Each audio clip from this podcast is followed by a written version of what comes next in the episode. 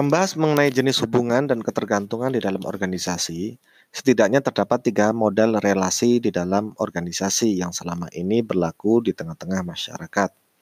Yang pertama adalah hubungan sebab akibat atau kausalitas.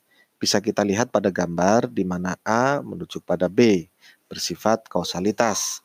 Yang kedua, terdapat ketergantungan berurutan atau sekuensi interpendensi di mana ketergantungan ini bersifat instruktif. Biasanya ini berlangsung pada organisasi formal pemerintahan.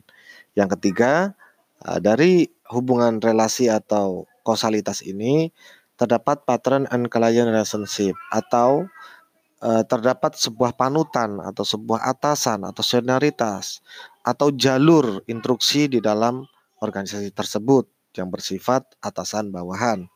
Nah, di dalam organisasi dengan model hubungan sebab akibat atau kausalitas biasanya terdapat laten konflik atau konflik atau permasalahan yang bersifat pengulangan.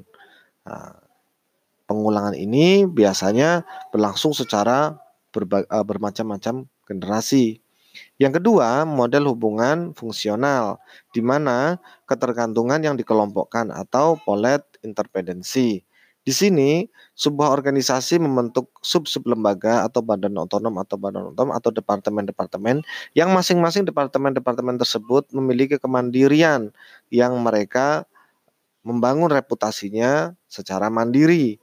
Nah, hubungan fungsional ini biasanya bersifat manifest konflik atau dia konfliknya antar internal di dalam.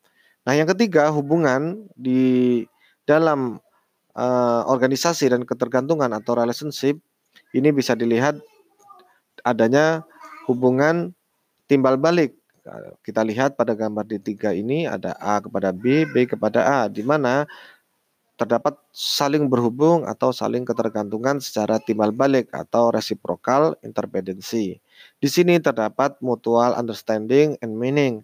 Artinya apa? Artinya terdapat saling pemahaman dan saling bisa memanai antara satu dengan yang lainnya. Model-model seperti ini biasanya low konflik atau rendah konflik atau rendah permasalahan. Model organisasi seperti ini biasanya berupa paguyuban, komunitas. Nah, di sini eh, permasalahan-permasalahan yang ada biasanya diselesaikan secara musyawarah dan ini minim sekali konflik.